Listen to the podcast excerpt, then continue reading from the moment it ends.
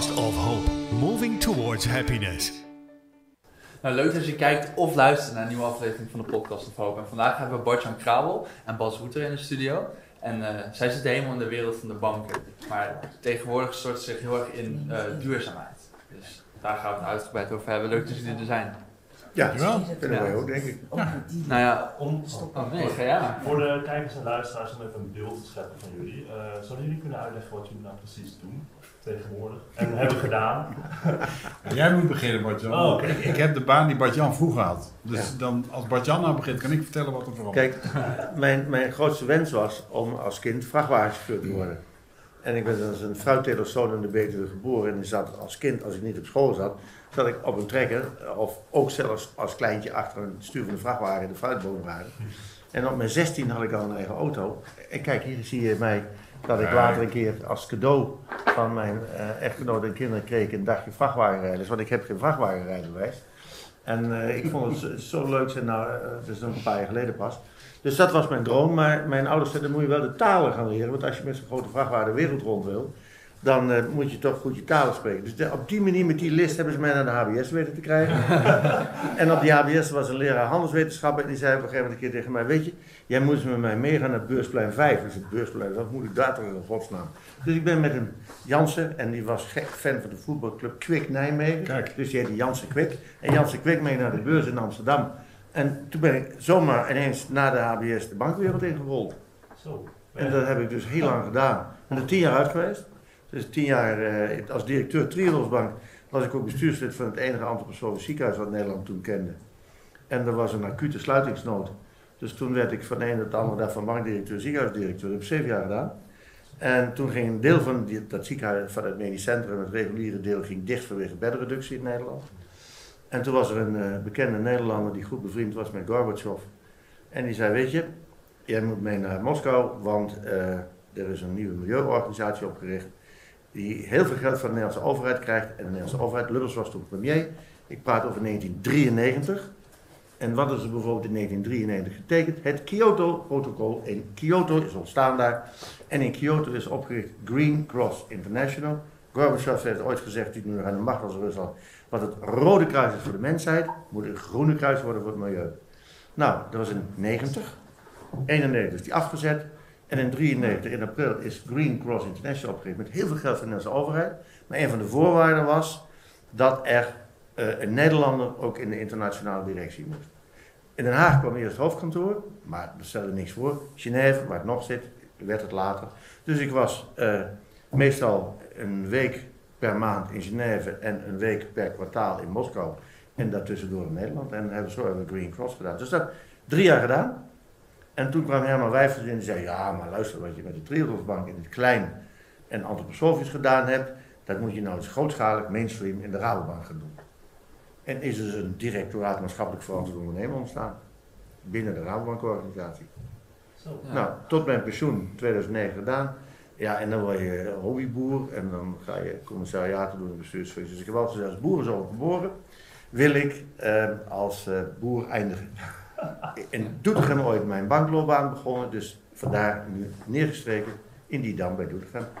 Dus, Zo. En dit is nog, dit is nog, kijk, daar ben ik, eh, dat is nog een Hilversum. Dit is Sweep, die poes daar, dat is Sweepertje, hebben, die Sweep. Ja, en die eh, aankomen lopen in Hilversum en die was ik een kippenhok daar aan het maken. In mijn sabbatical periode, dus ik ben, eh, dit zal zijn denk ik in 2005, schat ik in. Maar het is wel goed om even. Ik weet nog dat ik hier was. Ja. En ik weet ook nog ehm, hoe jouw werkkamer eruit zag. ja, Want het was namelijk. Dit is een bureau, hè? Dit is, Ja. dit is het Ja. concept van een bureau. Vier poten, een werkblad en daar werk je op. Ja. Ja. Het concept van een bureau van Bart-Jan is vier poten, een werkblad. En dan overal alleen maar stapels papier. Nou, moet je maar dan ook echt overal. Misschien om dan als dat papier op de grond lag, kijk hier zie je het al op het bureau en daar op de grond.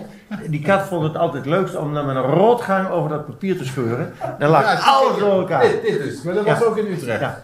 Als je bij Bart-Jan langskwam, dan moest je altijd tussen de stapels. Nu nog, nu nog, thuis. Ik heb, op drie plekken eh, ligt, alles ligt bezaaid met papier. Maar ook wel weer goed georganiseerd. Het Nou is geen zooitje. Alles is terug te vinden. Ja. Maar dit is wel leuk over hoe de wereld veranderd is. Ja, Ehm, ja. dus Ja. eh, toen jij nog directeur duurzaamheid van de Rabobank was, wat ik dan nu doe, en daar zat één iemand tussen twee jaar. Dus dat is eigenlijk viel er best wel mee qua Ja, ja. tijdsverschil. Toen jij klaar was, was ik alweer bijna daar begonnen. Dit is jouw beeld van jouw bureau. Ik ben recent dus eerst verhuisd van één afdeling naar een andere afdeling. En toen was er geen bergruimte. Dus je kreeg gewoon geen. Nee. En ik miste het niet eens. Terwijl ik een paar jaar daarvoor was ik verhuisd. En toen kreeg ik zo'n stukje kast. Want ja, dat was genoeg. Want de rest zat toch, zeg maar, in de computer. Ja, En nu werk ik dus thuis. En eh, ik ben al jaar niet meer op kantoor geweest. En ik heb, ik heb wel een printer thuis, maar die heb ik nog nooit gebruikt bijna. Dus de wereld is wel even Ja, anders. enorm. Ja. Kijk, ik En was- wel goed eigenlijk. Ja, Ja, ik, ik, moet nu ook constant digitaal vergaderen. Nou, daar was ik zo mordicus tegen. Ik vond dat niks, dus ik heb gepruteld en gestijgerd. En dan zei ik, nou, Zoom werkt niet, WebEx werkt niet, want iedereen heeft zijn eigen systeem. En nu, eh, al, al tijden, ik zou bijna niet anders willen.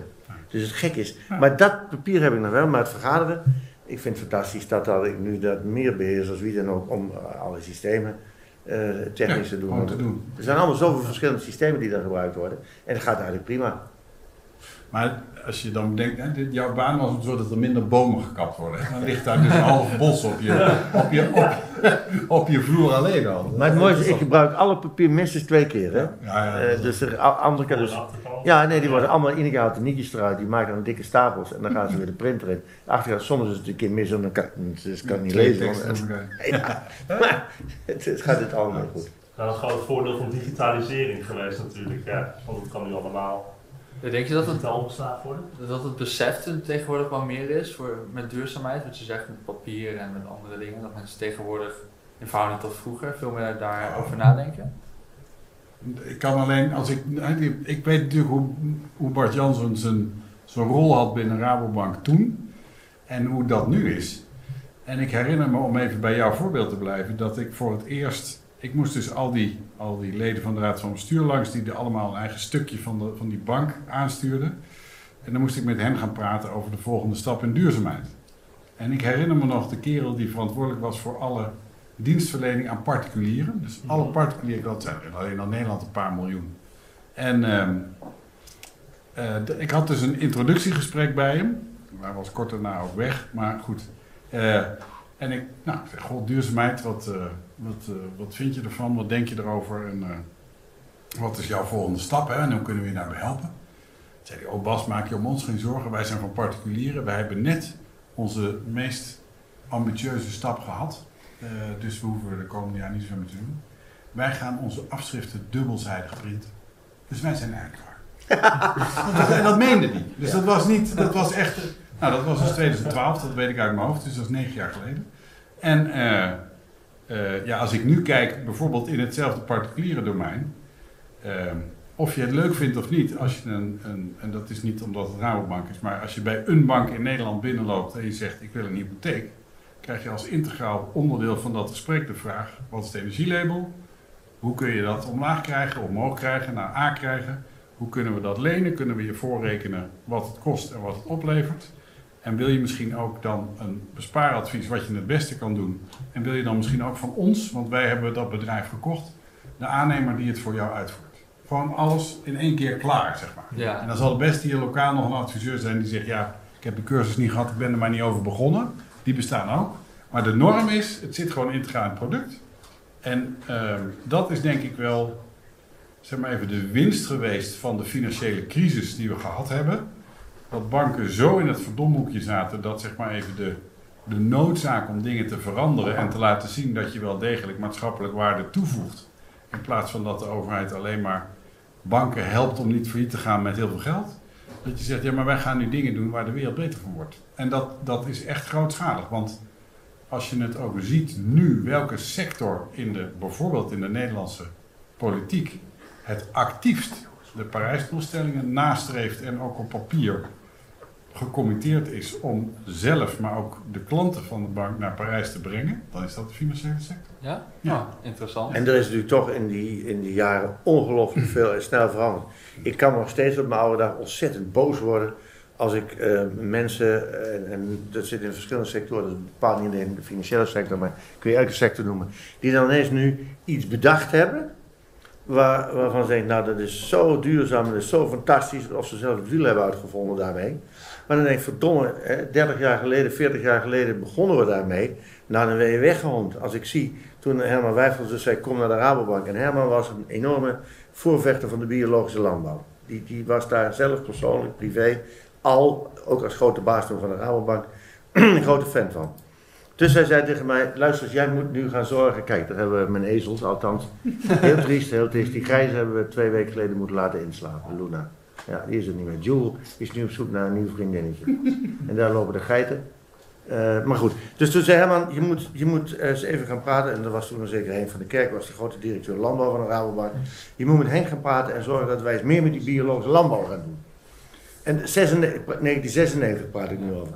En dan kwam ik bij Henk, die zat in Eindhoven. Toen was er nog een enorme scheiding tussen Utrecht en Eindhoven bij die Rabobank, Rijfijs en Boerenleenbaar. en dan eh, zei Henk, eh, wil je koffie? Ja. Oké. ehm, maar begin niet over biologische landbouw. Want ik kan die koffie beter niet opdrinken. Daar is gat van de deur. Wegwezen. Eh, Wij gaan niets doen met die biologische boeren. Want die hebben maar één koe per hectare. Dus Henk, hoe kom je daar nou aan? Staat in het boekje van het CBS. Eén koe per hectare hebben ze maar gemeld. En een beetje boer heeft twee, drie koeien per hectare. nou, en dan kwam ik terug bij eh Wijfels en zei Herman... Ja, zegt hij, zit het op zijn stoel wippend, zijn stereotype houding, handjes zo. Ja, Bart-Jan, ze willen niet, hè? Ik zei, nee, ze willen niet. Maar Herman, wie is hier nu de baas? Ben jij, ben jij nou de baas of is Henk van de Kerk de baas? Nee, hij, je moet ze verleiden. Je moet ze verleiden. nou, hoe heb ik dat gedaan in het begin? En daarmee zijn ze ontzettend veel veranderd in die jaren. Hoe het nu is. Niet dat er nog niks meer te doen zou zijn, integendeel. Eh, Ik weet nog goed een keer een touringcar had afgehuurd. Ik zei, nou, 50 van die agrarische adviseurs, die al die lokale bankmensen adviseren. Om 7 uur in de bus aan de Kroeselaan en we gaan een tochtje, we gaan een dagje uit, we gaan een tochtje maken. En dan ging ik dus naar een aantal biologische boeren, de professionals. De Piet van IJzenoord en anderen, hè? je kent ze ook. En we gingen naar toen nog heette dat Dumeco, nu Vion, de, de slagerij voor biologisch vlees voor de Groene Wegslagerij in, in ergens in de Groenlo. En we komen op een bij een biologische varkenshouder in, in de Betuwe. En die man zegt, eerst eh, allemaal beschermende kleding aan, desinfecteren, dan mag je mee de stallen in. Dan eh, nam hij ons mee naar de kantine en daar had hij de hele wanden vol hangen met computer uitdraaien, met prijsvergelijking en margevergelijking tussen gangbaar varkensvlees en biologisch varkensvlees. En aan het eind van de dag gingen we, Lembas en Driebergen, biologisch vegetarisch eten. En die die zeiden allemaal, het kan niet waar zijn wat we vandaag gezien hebben. Het kan niet waar zijn. Wat heb jij in godsnaam uitgevroten dat je ons, wat voor poppenkast, dit kan toch niet de werkelijkheid zijn. Ze geloofden dus gewoon niet dat dat bestond. Want ze kenden het niet. En wat de boer niet kent, dat vreet hij niet. Dus kon het niet. Nou, dat is nu wel erg veranderd, hè?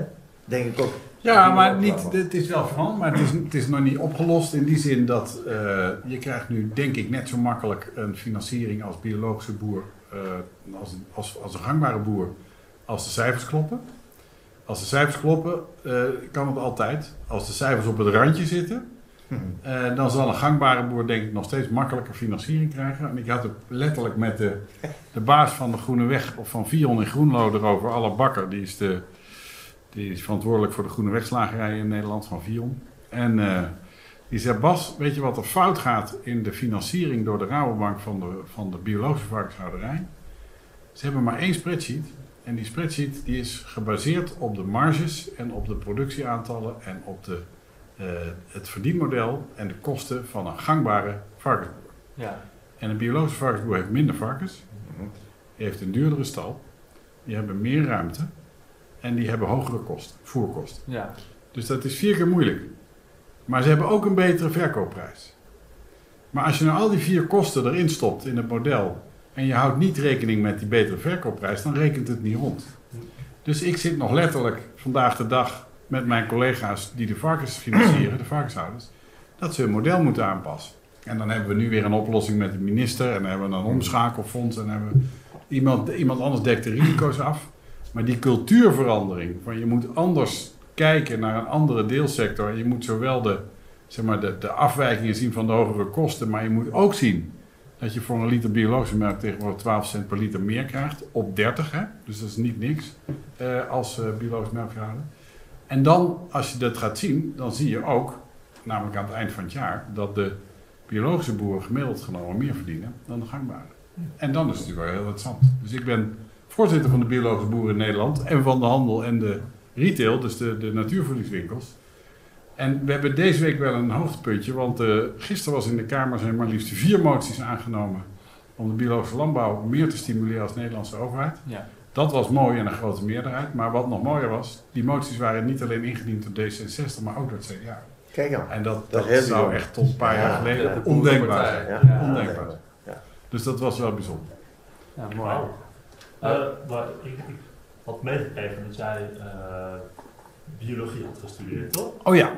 Ja, ik ben... Kijk, Bart-Jan die wilde vrachtwagenchauffeur worden. Ja. Maar ik ging naar natuur redden in de wereld. Maar ik ben dus in dat opzicht niet ontspoord. Maar, ben, maar wel bij de bank terechtgekomen. Ja. Maar eh, ik doe nog steeds duurzaamheid. Dus dat klopt. Ik ben, eh, ik ben bioloog. Ik heb, ben afgestudeerd op... Ja, dit is een artikel in... eh, dit is economisch-statistische berichten. Aha. En de kop vond ik belangrijk. Laat de kringlooplandbouw rondrekenen. Dat het net even over de biologische landbouw. Wat drijft mij in mijn werk? Dus ik de wereld redden, hè, maar dan de natuur. En dan moet je wel bij de landbouw beginnen tegenwoordig, in de wereldwijd. Absoluut. Hè, want de energie die gaan we nu allemaal wel duurzaam doen, maar de landbouw heeft een enorme inhaalslag te maken. En ehm, er is maar één manier om te zorgen dat... Kijk, die boer die wil wel, maar die heeft een cultuur van het, het erf moet er netjes bij liggen en onkruid is vies. Dus dat moet iets in de cultuur veranderen, want Ja. vaak is het veel slimmer om een beetje onkruid te hebben. Wel gewoon eh, goed te produceren. Maar er moet ook gewoon anders verdiend worden. Want je komt ermee weg vandaag de dag om eh, de, de, de sloot te vervuilen en je, en je spullen met een hoge opbrengst eh, tegen dezelfde prijs te verkopen. Terwijl het eigenlijk zo zou moeten zijn dat iemand die schoner produceert een betere prijs krijgt. Of iemand die minder schoon produceert moet betalen voor de vervuiling die die daarmee achterlaat. Dus ik denk dat de wereld alleen echt duurzaam wordt als je het laat rondrekenen. Nou, dat doe ik elke dag, maar dat doe ik vanuit de passie om, ehm, voor natuur. Dus ik, ik was, vroeger was ik zo'n idioot die altijd achter de vogeltjes aan fietste op zondagmiddag. Zondagavond vroeg eigenlijk. En eh, tegenwoordig ben ik trots als ik 80 kilometer op mijn wielrenfiets fiets op zondag. Maar vroeger fietste ik gewoon op mijn gewone fiets 100 kilometer naar die vogels en dan praten we nergens over. Dus dat, eh, maar dat was, de, eh, dat was de hobby.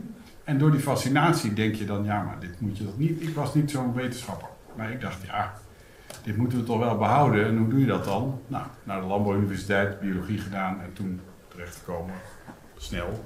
Eerst bij Triodos 17 jaar gezeten.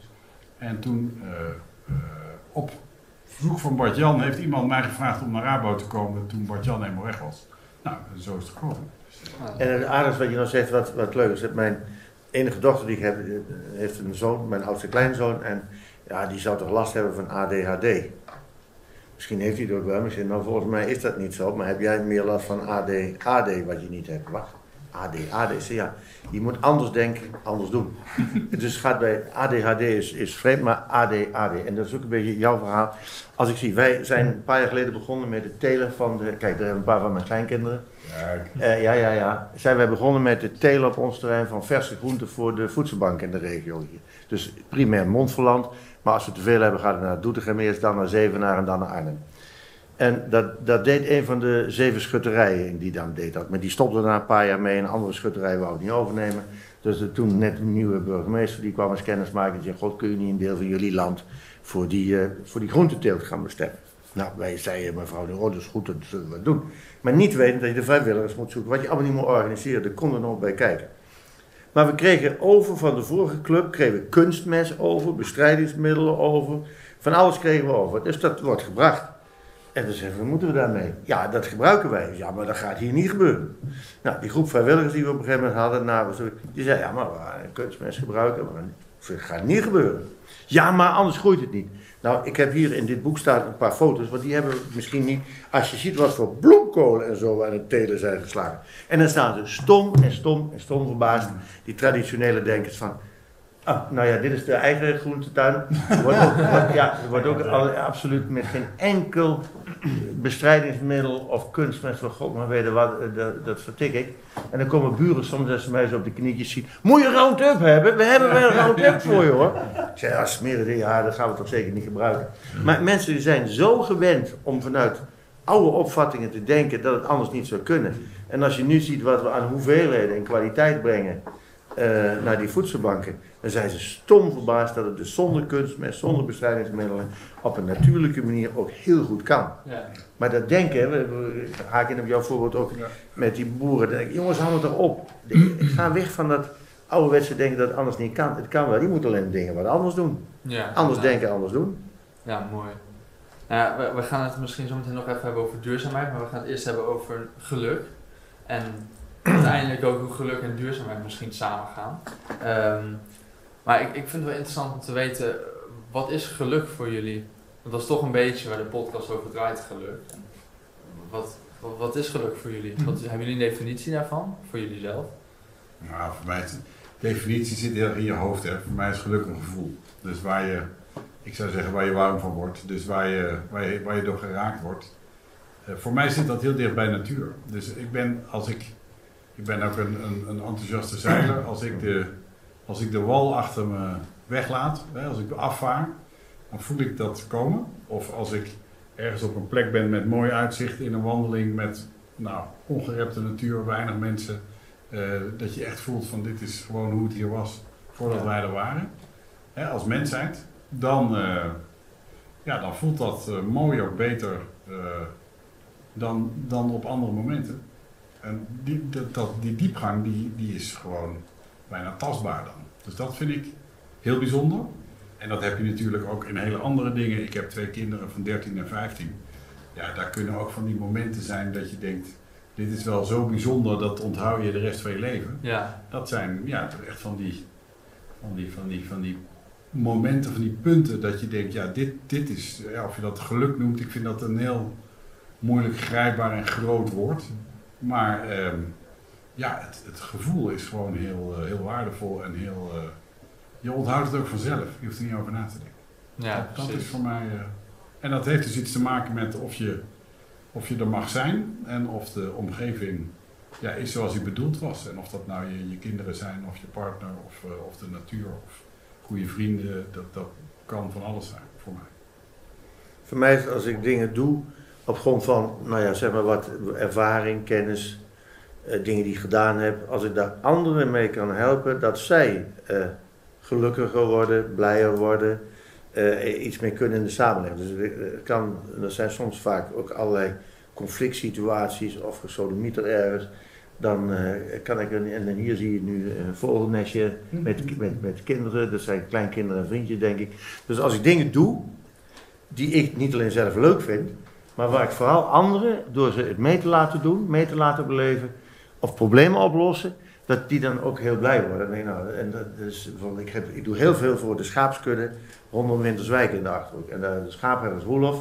En Roelof is iemand die loodgieter geweest is en later van loodgieter is hij schaapherder geworden. Maar een zelfstandig ondernemende schaapherder, waarvan er maar heel weinig in Nederland nog zijn. Die echt nog met de kudde rondtrekken Ja, met één of meer honden en dan met honderden schapen.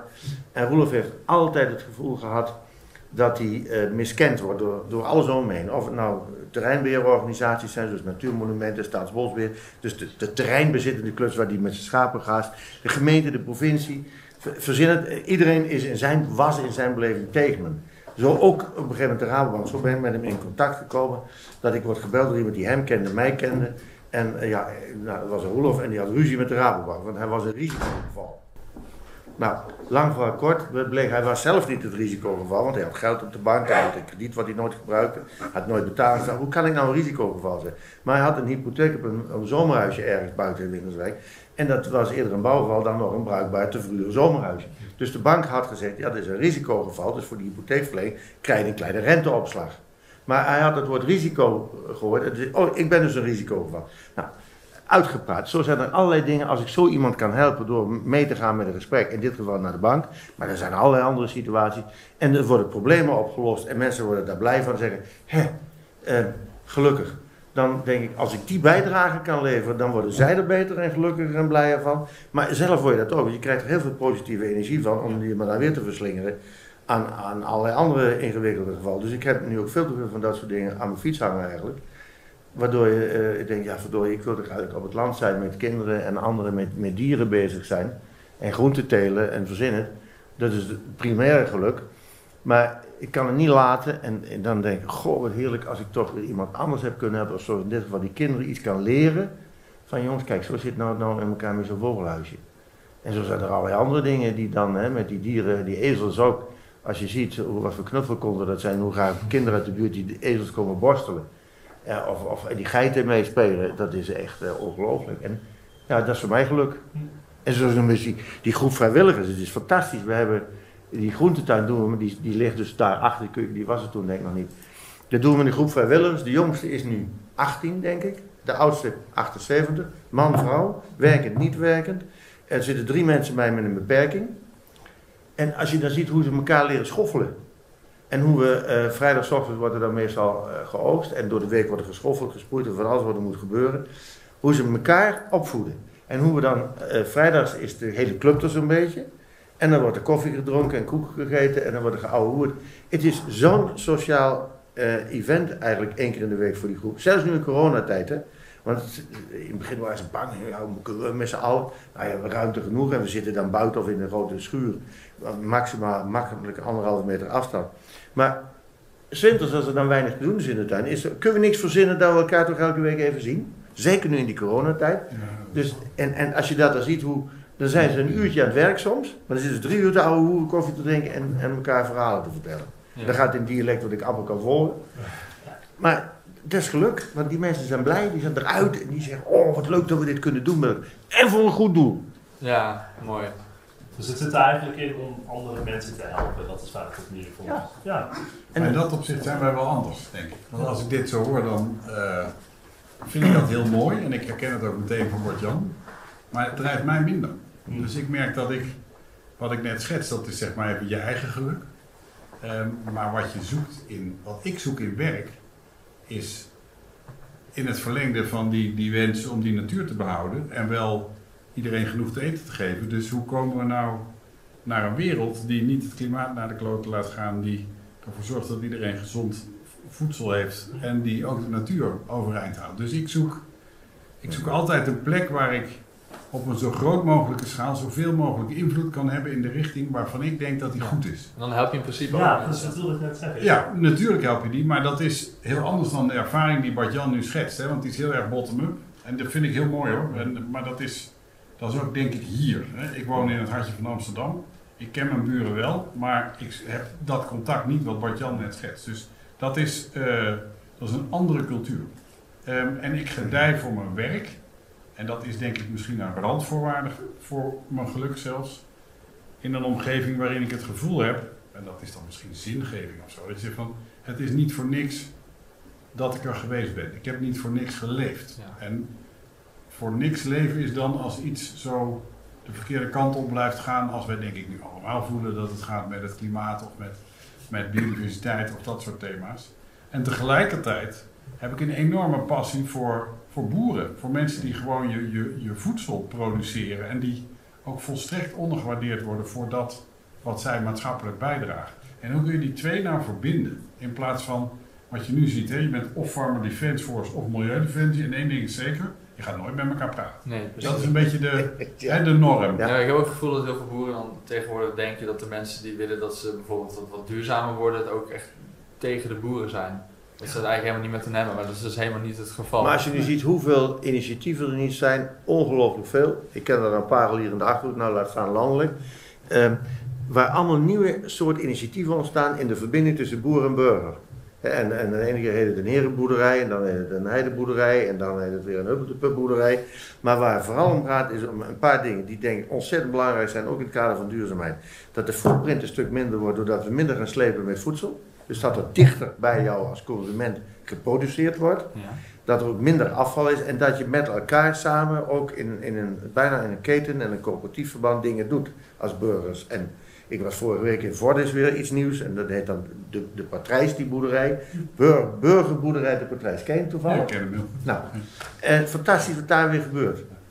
En, en, en daar is dus een, een stel, hij heeft zijn adviesbureau verkocht, Johannes, zijn, zijn partner ook. En dan gaan ze van twee oude ooms, gaan ze die boerderij overnemen. En gaan ze van nu 160 geloof ik melkkoeien terug naar 80, 90. Want hij zegt, ja, die manier waarop mijn ooms het nu al weet ik hoe lang doen. Ja, nee, dat wil ik niet. Ik wil dus extensief gaan doen. Ik wil misschien niet 100% biologisch, want had hij prachtige verhalen over. Maar dan heeft hij een hele groep mensen om hem heen eh, al verzameld in, die, in de regio. En er is er één bij, een, een organisatieadviseur de gezondheidszorg. Die heb dus voor het eerst ontmoet nu. Die zegt, ik neem het op mij dat ik 500 mensen weet te vinden die ieder 1000 euro erin stoppen. En zo hebben ze heel, heel collectief bedacht. En ik vind het fantastisch als je ziet wat dat aan enthousiasme brengt. En als ik, en mij, ik was dus waar kun je eens even het eh, businessplan mee bekijken en wat ideeën geven hoe die coöperatie gaan opzetten en wie moet nu wat voor stemrecht hebben en medezeggenschap en verzin het. En ik ben een statutenfreak, dat is een hele rare hobby van mij. Dus uh, daar word ik voor alle mensen kijk eens even mee, hoe gaan we dit organiseren? Nou, ik vind het weer geweldig en dat geeft mij dus weer energie en happiness. Maar als je, wat daar aan kracht ontstaat van een groep mensen die met elkaar zeggen, jongens wij gaan hier rondom die boerderij staan. We gaan met dat stel, wat helemaal geen boeren zijn, eh, maar dus toch zeggen we, gaan het, we willen dat worden, we gaan het anders doen. Hoe gaan we dat nou ook met consumenten in de buurt opzetten? Hoe zouden we afgelopen zaterdag het eerste uitdeelpunt van 5% van de melk die daar nu komt, wordt nu al verwerkt zelf tot zuivel. Met een rijdende zuivelfabriek en wordt dus aan, in via uitgiftepunten in Vorden en in Zutphen en weet ik veel waar, gaan ze dat afzetten in de buurt. Ja. Nou, dat soort initiatieven, er veel meer kennen. Dan denk ik, wauw, dat vind ik nou ook een andere relatie tussen boer-burger. En we hebben een, en die dam gaat nu een grote boerin, hippe koeien, gaat de daken van de stallen beschikbaar stellen voor postcode projecten voor mensen in de buurt voor uh, zonne-energie. En die zegt, ik ga ze niet verhuren in Friesland Campina, die daar geld voor geeft. Hè. Die betaalt zo de vierkante meter aan boeren voor gebruik dak om zonne-energie op te wekken. Dus dat wil ik niet, om allerlei redenen. Ik wil met de buurt hier dat die mensen, die stelt om niet het dak van die grote stallen beschikbaar, zodat wij met de gemeentelijke energiecoöperatie daar weer zonnepanelen op kunnen leggen. Mensen die dus niet op eigen dak panelen kunnen of willen leggen, doen het daar. Nou, er wordt weer een nieuwe coöperatie voor opgezet. Maar dat soort initiatieven ook van, en zij is ook bestuurder regionaal van de LTO, maar ze zegt, wij moeten een andere verbinding krijgen als boeren, dus gewoon een gangbare boer, met die burgers om ons heen, in plaats van dat wij gezien worden als viespoken, Ja, die, die het milieu verpesten. Dus die verbinding zoeken. En ik denk dat dat heel belangrijk is, dat die boeren vooral veel meer die verbinding zoeken. En de burgers het ook doen, en omgekeerd ook. Hè? Ja. Met elkaar samen hele nieuwe dingen ontwikkelen. Het is duurzaam, minder footprint, betere relatie. En we gaan niet sjouwen met al dat voer. Ja. Ja, ik, bespeur toch een soort van centraal thema van mensen helpen, moet ik zeggen. Denk je dat dat gewoon überhaupt voor geluk iets heel belangrijks is? Om- Oh ja, kijk, ik ben bioloog, dus eh, ik, ik ga al heel snel terug naar de etologie en naar eh, wie, wie, wie wij zijn als dier. ja. Wij zijn geen individuele dieren. Dus iedereen die als een soort eh, Einzelganger in een boom gaat zitten, die zal nooit gelukkig zijn. Daar ben ik van overtuigd. Dus zelfs die herder is niet gelukkig alleen op de, herder, op de hei. Die is gelukkig op de hei omdat hij weet dat er ook een andere plek is. Eh, ja, wij zijn, gewoon, wij zijn gewoon als diersoort geëvolueerd omdat we in groepen slim zijn. En daar zijn we dus op geselecteerd. Dus de meest sociale zijn overgebleven, want die hadden te eten, want die konden samen gaan jagen. Ja. Dat, is, dat krijg je er ook nooit meer uit. Ik denk dat zelfs de grootste onaangepaste Einzelganger uiteindelijk iets heeft met, eh, met, met kuddegedrag. Ja, dit, hier ben ik op afgestudeerd, dus dit wou ik even laten zien. Ah, kijk. Eh, dit is eh, de- het, het Nederlandse broertje van het hert waar ik op afgestudeerd ben in Indonesië. Oh, Het uh, Roerseihert. En ehm, over kuddedieren gesproken. Ik heb daar tien maanden eh, veldwerk gedaan midden in een eh, nationaal park. En ehm, dat was ooit een savanne, het enige Afrikaanse klimaatstukje van eh, Indonesië, de oostkant van Java. En daar hadden ze in de jaren 60 eh, waren ze bang eh, dat het bos af zou branden rondom die savanne. Omdat al die mensen die daar kwamen, die staken de, de savanne in de fik, het droge gras om te zorgen dat er weer gas terugkwam. Ja, ja. Maar dan waren ze bang dat het vuur het bos in zou gaan. Dan hadden ze in al hun wijsheid in de jaren 60 hadden ze rondom die savanne, een hele grote savanne hadden ze een rij met acacia geplant. En die acacia hadden ze geïmporteerd uit Afrika, want die kan goed tegen vuur. Nou, de acacia houdt ook heel erg van de savanne. Dus die hele savanne was helemaal overwoekerd. Er was nog 40 hectare, dat is niet zoveel. Nee, 20 hectare, dat is niet zoveel. En daar moesten dus ongeveer 800 roesaarten de bronst op meemaken. En mijn huisje stond dus aan de rand van die savanne. Dus ik heb twee maanden lang gewoon geen oog dicht gedaan. Nee. Geen oor dicht gedaan, whatever. U heeft deze foto ook zelf gemaakt. Ja. Ja, hè? Man, man, man. Oh, en tot het ja, niveau ja. dat er dus van deze jongens s'nachts met hun gewei om te laten zien hoe krachtig ze waren, gewoon tegen de, de deur van mijn, van mijn, man- van mijn eh, slaapkamer, want ik had alleen een hutje, dus ik had een slaapkamer. En dan beukte die zo tegenaan. En die eh, kwam dus even laten zien. Dus daar liepen deze kuddedieren, daarom kom ik erop. Eén sterk mannetje en een aantal wijfjes en dan die andere mannetjes erop af om te kijken of ze... Dat zijn wij ook. Wij zijn ook kuddedieren. Wij Wel hebben prachtig trouwens, moet ik zeggen. Ja. ja, dat is serieus. Ja, mooi spul. Ik, ik wou het eigenlijk nog vragen. We hebben niet heel veel tijd meer, maar ik was wel benieuwd naar de eh, voorwerpen die jullie mee hebben genomen. Ja. Dus we vroegen of jullie een voorwerp mee wilden nemen waar jullie heel erg gelukkig van worden. Ja. En jullie hebben eigenlijk allebei een boek gekozen. hè? Is interessant. Eh, kunnen jullie daar wat over vertellen misschien? Ja, Bart-Jan Bart-Jan moet eindigen. Want dit, ik kan, hier kan ik heel snel komen. Dat is namelijk een veel mooier verhaal dan dit boek. Dit boek is een boek, dat heb ik recent gekocht. En ik koop niet zo snel zomaar een boek op de kracht. Maar ik ben gek op wandelen in bijzondere gebieden. En dit werd mij beschreven als een boek van de mooiste wandelingen in Europa. Dus Wanderlust heet die. Wanderlust, hè, dus eigenlijk Oh, Duits. Dus, maar dat eh, is een Nederlands boek. En ehm, heel plat stond gewoon in de NRC geadverteerd. Nou, dat zou ik niet snel doen. Maar ehm, als je dus nu ook ziet, en daar ben ik zo blij met dat boek. Ik kan dus een avond op de bank zitten met dit boek en dan heb ik, ben, ik, ben ik er gewoon geweest. Ja. Dus dan heb je dat gelezen, je hebt het gezien en ik ga dan ook plannen. Dus ik ga ook van de zomer ga ik twee weken in route door Zwitserland en Frankrijk lopen van deze wandeling. Ja. Mhm. Om niet zozeer om dit plaatje te gaan bekijken, dat geloof ik wel, want er andere plaatjes. Maar dan lees je bijvoorbeeld, een van die wandelingen is een wandeling door het noordelijkste puntje van Schotland. En dat is een fantastisch verhaal over, je loopt van daar naar daar en er is geen pad tussendoor enzovoort. En dan laten ze de foto's zien over hoe onherbergzaam en stil het is. En daar word ik dan heel gefascineerd door, lijkt me bijzonder. En dan staat er een zin, de meeste wandelaars die deze tocht doen, lopen hem pas de derde of de vierde keer uit. Dus dat ding is zo ingewikkeld. Oh. En het is zo. En je moet ook zo opletten, want het is het noorden van Schotland. Dus het is daar ook soms echt weer waar je niet wil zijn. En, nou, enzovoort. Dus je moet ook op tijd terug als het niet lukt. Nou, als je tegen mij zegt, de, de, de, pas de derde of vierde keer lukt het je om hem uit te lopen, dan denk ik, nee, mij lukt het de eerste keer. Dus dat, dat gaat nog gebeuren, dat weet ik zeker. Ja. Geweldig. Dat type geest. Ja, maar dus als ik eh, in corona op de bank ben ik hier dus heel Europa door geweest. Da- da- daar word ik gelukkig van. Ja. Natuur. Dat functioneert misschien bijna een beetje als een bucketlist. Ja, ja, ja, nee zeker. En grappig genoeg, mijn vrienden heb ik dit boek meegenomen, want we gingen hier laatst eh, in een joert in de Betuwe gingen we kampvuur maken, want we hadden, we hadden wel gehad met corona en moesten buiten elkaar ontmoeten. Toen heb ik dat boek meegenomen en toen bleek, hebben zij er ook even doorheen gekeken, want ik ga een van die twee weken met die vrienden lopen. En eh, toen bleek dus dat van de 15, of 20 wandelingen die erin staan, waren er drie of vier. Die had een van hen al gelopen. toevallig. Dus dat zijn wel echte plekken om te zijn. Maar wat is de eerste die je gaat doen? Eh, dat is door, eh, van oost naar west door Zwitserland, Oh, ja. bovenlangs. Dus je komt niet in dat dal en dan is het gewoon eh, alles tussen de 15 en de 3500 meter. Dan, Vet hoor. ja, dat is wel. Nou, daar word ik blij van. Ja. Ondanks dat ik achter Excel in Teams op mijn zolderkamer 10 uur per dag aan het werk ben, zo ben ik toch nog een beetje bij. ja, mooi, mooi. En, en uw boek? Eh, mijn boek, eh, de titel Waar een wil is, een omweg, is mijn lijfspreuk die ik al decennia lang heb. En eh, mijn ervaring met Gorbachev, het opzetten van de Triodosbank, dingen binnen de Rabobank gedaan hebben. Ik heb ook heel veel in die nevenfunctie vanaf mijn pensioen in de voedselsector gedaan. Dus ik heb gezeten in de stuurgroep, in de taskforce voedselvertrouwen naar aanleiding van het paardenvleesschandaal. Ik heb daarna fipronil in de eieren gedaan. Ik heb fair produce gedaan, misstanden in de paddenstoelensector in Nederland. En nu recentelijk heb ik dus eh, de hele problematiek van de slachthuizen in Nederland. Daar ben ik nog een beetje mee bezig, bijna klaar gedaan. Dus ik heb allerlei gekke dingen gedaan. Ja. En eh, toen zeiden mensen, daar moet je eens wat over vertellen.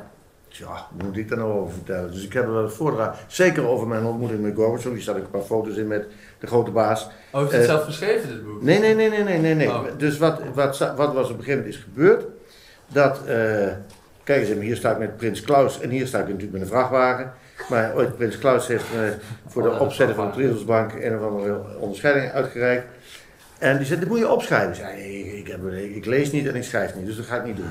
Toen is er een schrijfster gekomen en die heeft dus allerlei mensen geïnterviewd die met mij dit soort dingen gedaan hebben. Dus bekende en minder bekende Nederlanders die komen hier. Het wordt Herman Wijfels uiteraard, maar ook Jacqueline Kramer en, en verzin ze. eh, De laatste was ook met, ze is nu burgemeester van Utrecht, onze Sharon Dijksma, oud-staatssecretaris. Dus met mensen met wie ik die gekke dingen gedaan heb, tegen draad, strups, die hebben dus hun verhaal eh, gegeven aan die journalist en heeft er een boek van gemaakt van waarom was die Bart Jans zo'n idioot en waarom eh, deed hij dingen die niemand durfde of weet verzinnen. Dit staan de meest lollige dingen staan erin.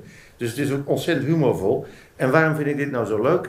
Niet alleen dat het boek er ooit gekomen is, maar ook omdat die lijfspreuk gaat elke dag op. Mensen die eh, de moed opgeven, omdat iets wat ze als een ideaal in hun hoofd hebben niet gerealiseerd krijgen, blijf ik zeggen. En ik kan het met zoveel voorbeelden staan, ook die hierin staan, talloze, maar er zijn er veel meer. Waar een wil is, is een omweg. En nu in het kader van klimaat een hele aardig nog als slot misschien om te zeggen, waar die wil is, is die omweg om je, om je doel te bereiken. Toen de fiscale groenregeling in Nederland in 1995, zat je nog bij de hè? Ja, werd geïntroduceerd. Kwam jij onze klant die had. En, en we komen nu een, een paar heel bekende Nederlanders aan bod met dat verhaal. Dus ik zat toen net bij de Rabobank in 96. Fiscale groenregeling was er dat je kon bijvoorbeeld wel groen, dus het was heel goedkoop in die tijd, kon je zonnepanelen op, je, op het dak van je huis gefinancierd krijgen. Als dat was alleen op een nieuwbouwhuis. Een nieuwbouwhuis. Bestaande huizen kon je dat niet goedkoop gefinancierd krijgen. Paste niet in de regeling. Die kwamen toen bij mij, Marjan Minnesma, nu natuurlijk bekend van Urgenda en anderszins. En Diederik Samson, uiteraard ook bekend. En die twee werkten toen allebei bij Greenpeace. Eh Marjan als bedrijfsjuriste van Greenpeace en Diederik als actievoerder. En die kwamen bij mij, eh, want die kennen ze uit, uit Wereldbanktijd.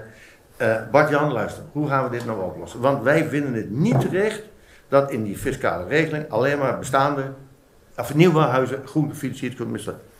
Jee meneer, hoe gaat dat oplossen? Ja, mooi. Nou, verzin een list, Tom Poes, waar Willis is een omweg.